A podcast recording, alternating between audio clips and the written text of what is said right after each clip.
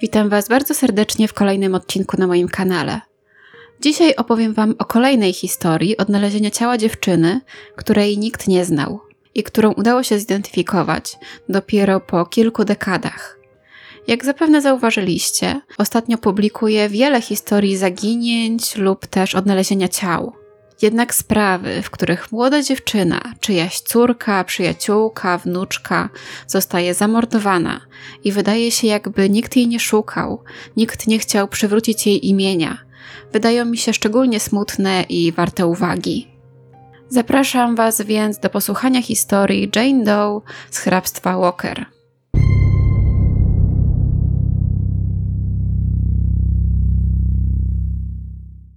1 listopada 1980 roku, około godziny 9.20, kierowca ciężarówki znalazł przy poboczu drogi, nieopodal Huntsville w Teksasie, nagie ciało młodej kobiety.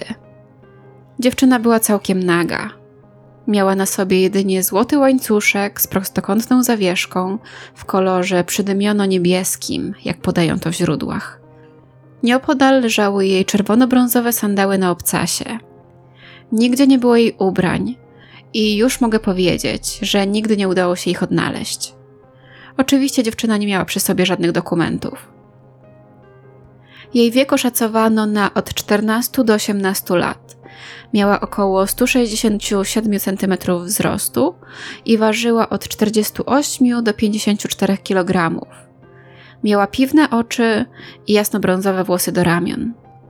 Nie wyglądało na to, aby kiedykolwiek je farbowała. Pomalowała za to paznokcie u stóp na różowo, za to jej paznokcie u rąk nie były tknięte lakierem. Chyba najbardziej charakterystycznym punktem w jej wyglądzie była blizna na krawędzi prawej brwi o długości niecałych 4 cm. Mimo, że przy swoim wzroście nie ważyła zbyt wiele, lekarz sądowy określił ją jako dobrze odżywioną. Nie wyglądało na to, aby się głodziła lub aby ktoś ją głodził. Jej zęby były w bardzo dobrym stanie. Widać było, że była pod opieką dentysty i generalnie wydawało się, że za życia była po prostu zdrową, młodą kobietą. Na podstawie tego, że nie była niedożywiona i że chodziła do dentysty, lekarz doszedł do wniosku, że musiała należeć do klasy średniej. Sekcja zwłok wykazała, że dziewczyna przed śmiercią przeszła prawdziwe piekło. Na jej ramieniu znaleziono ślad po ugryzieniu, a twarz była pobita do tego stopnia, że ciężko było nawet powiedzieć, jak wyglądała przed tym, co ją spotkało. Jej usta i prawa powieka były bardzo spuchnięte.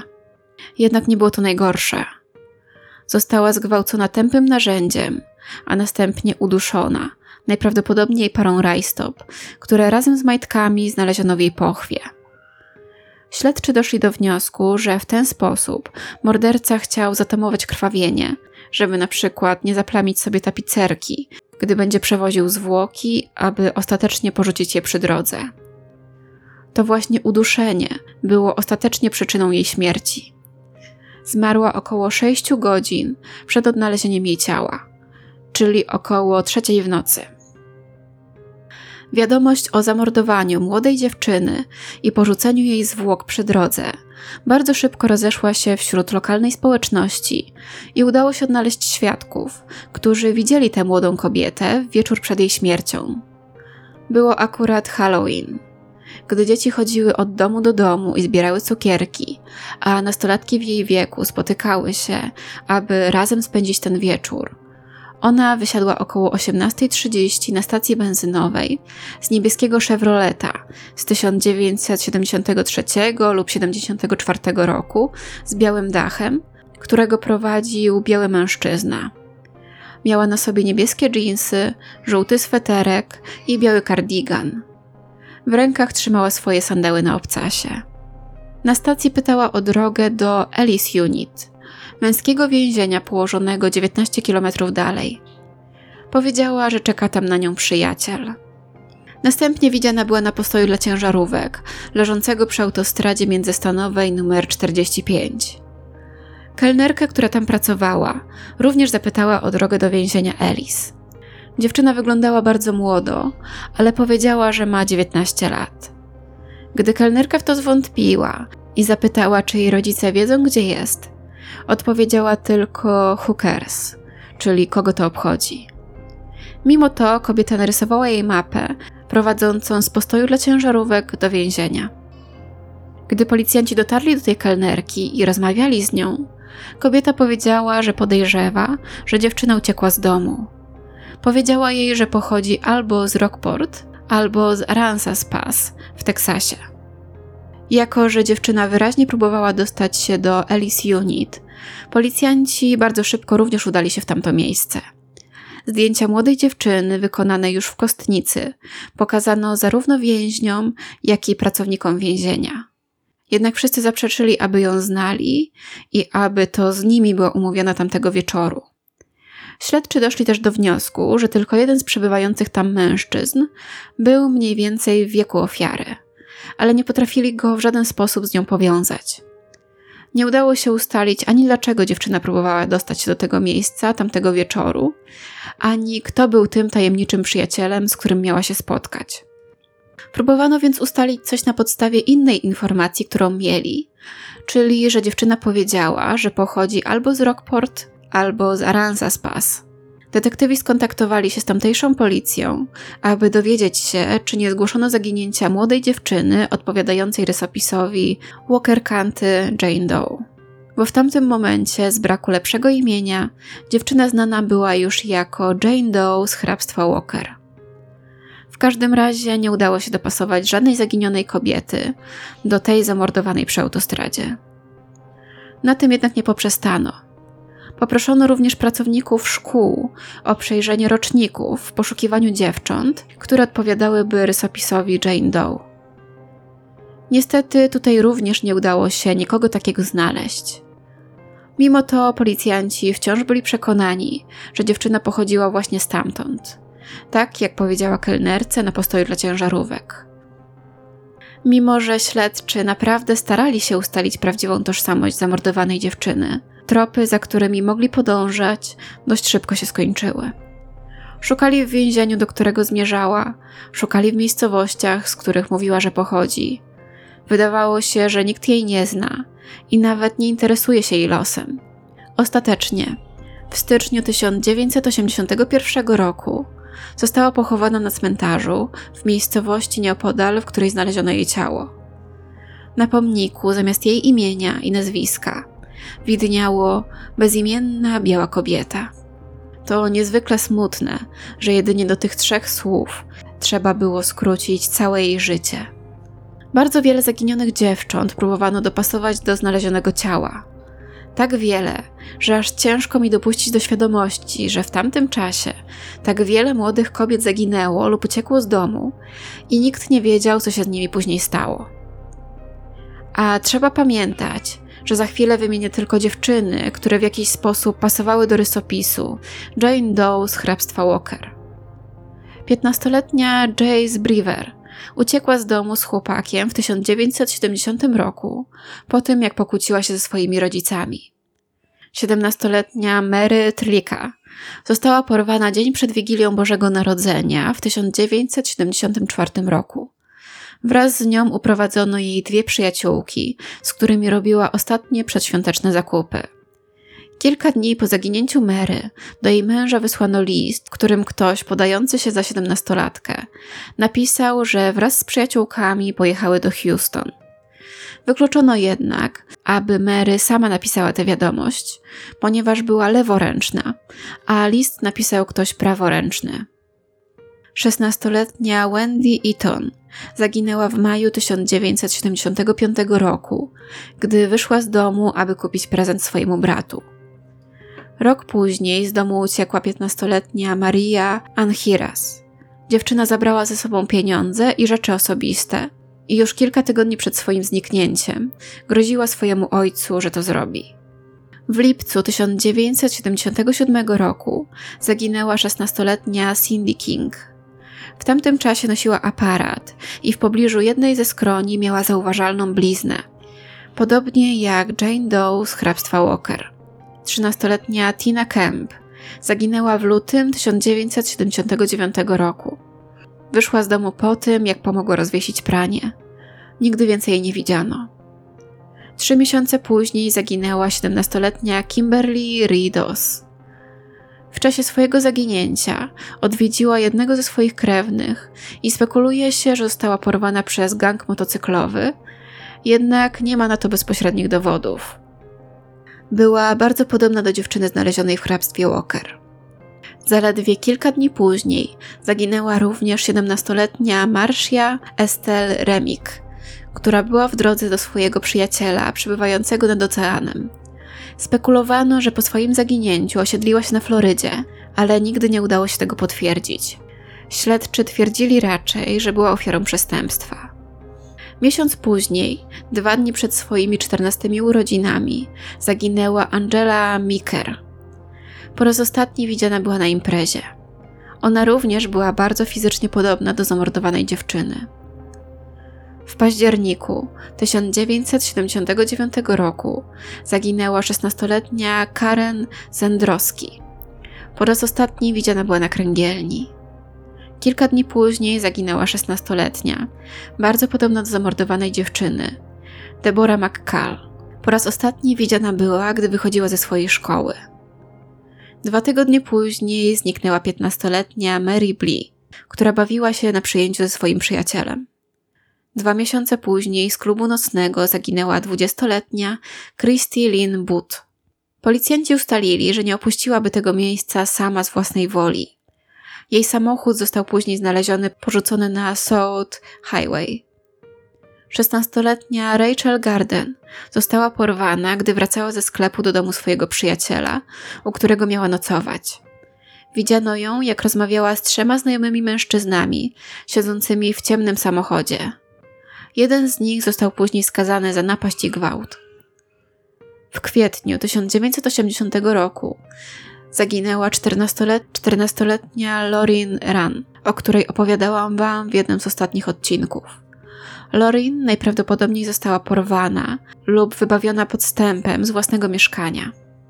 Dwa miesiące później zaginęła 24-letnia Roxanne Islan, która pracowała jako tancerka erotyczna i prostytutka.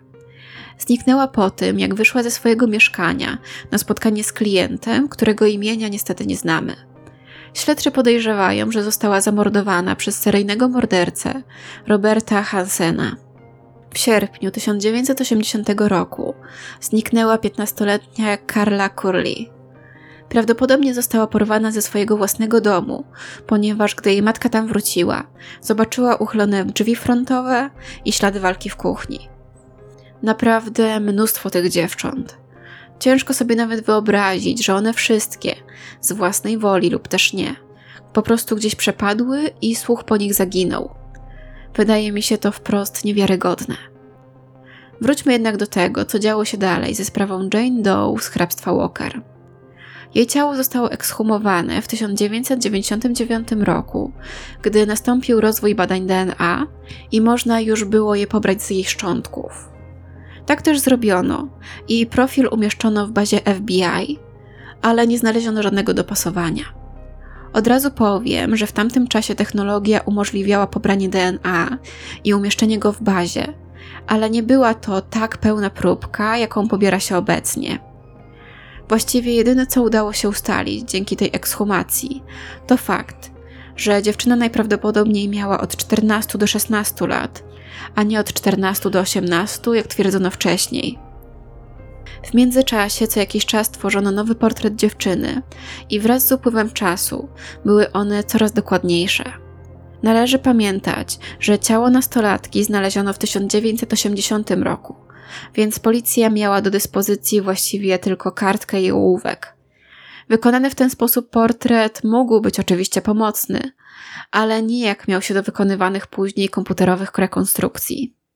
Właśnie dzięki jednej z takich rekonstrukcji udało się w 2015 roku znaleźć ludzi, którzy mogli mieć nowe, ważne informacje. W tamtym czasie pewne rodzeństwo znalazło fotografię, na której widniała młoda dziewczyna, która mogła być Jane Doe, której tożsamość starano się ustalić. Brat i siostra zatrzymali się latem 1980 roku w motelu w Beeville w Teksasie. Mieli wtedy po 10 i 12 lat. W tym samym miejscu mieszkała z pewną parą dziewczyna, która przedstawiła im się jako Kathleen lub Katin. Co więcej, powiedziała im, że planuje odwiedzić przyjaciółkę w więzieniu stanowym w Sugarland w Teksasie. Dziewczyna na fotografii rzeczywiście jest niezwykle podobna do zamordowanej nastolatki. Śledczy podążyli za tym tropem i poprosili o informację każdego, kto rozpoznaje dziewczynę na zdjęciu znalezionym przed rodzeństwo. Podejrzewali, że urodziła się około 1966 roku. Również w 2015 roku zbadano pod kątem DNA sandały znalezione przy ciele dziewczyny. Wyniki tych badań nigdy nie trafiły jednak do wiadomości publicznej. Końcu jednak nastąpił długo oczekiwany przełom. Detektywi nawiązali współpracę z laboratorium OTAM, które dysponowało bardzo zaawansowaną i nowoczesną technologią badań DNA. Wysłano do nich fragment kości udowej oraz ząb, które zostały pobrane podczas ekshumacji w 1999.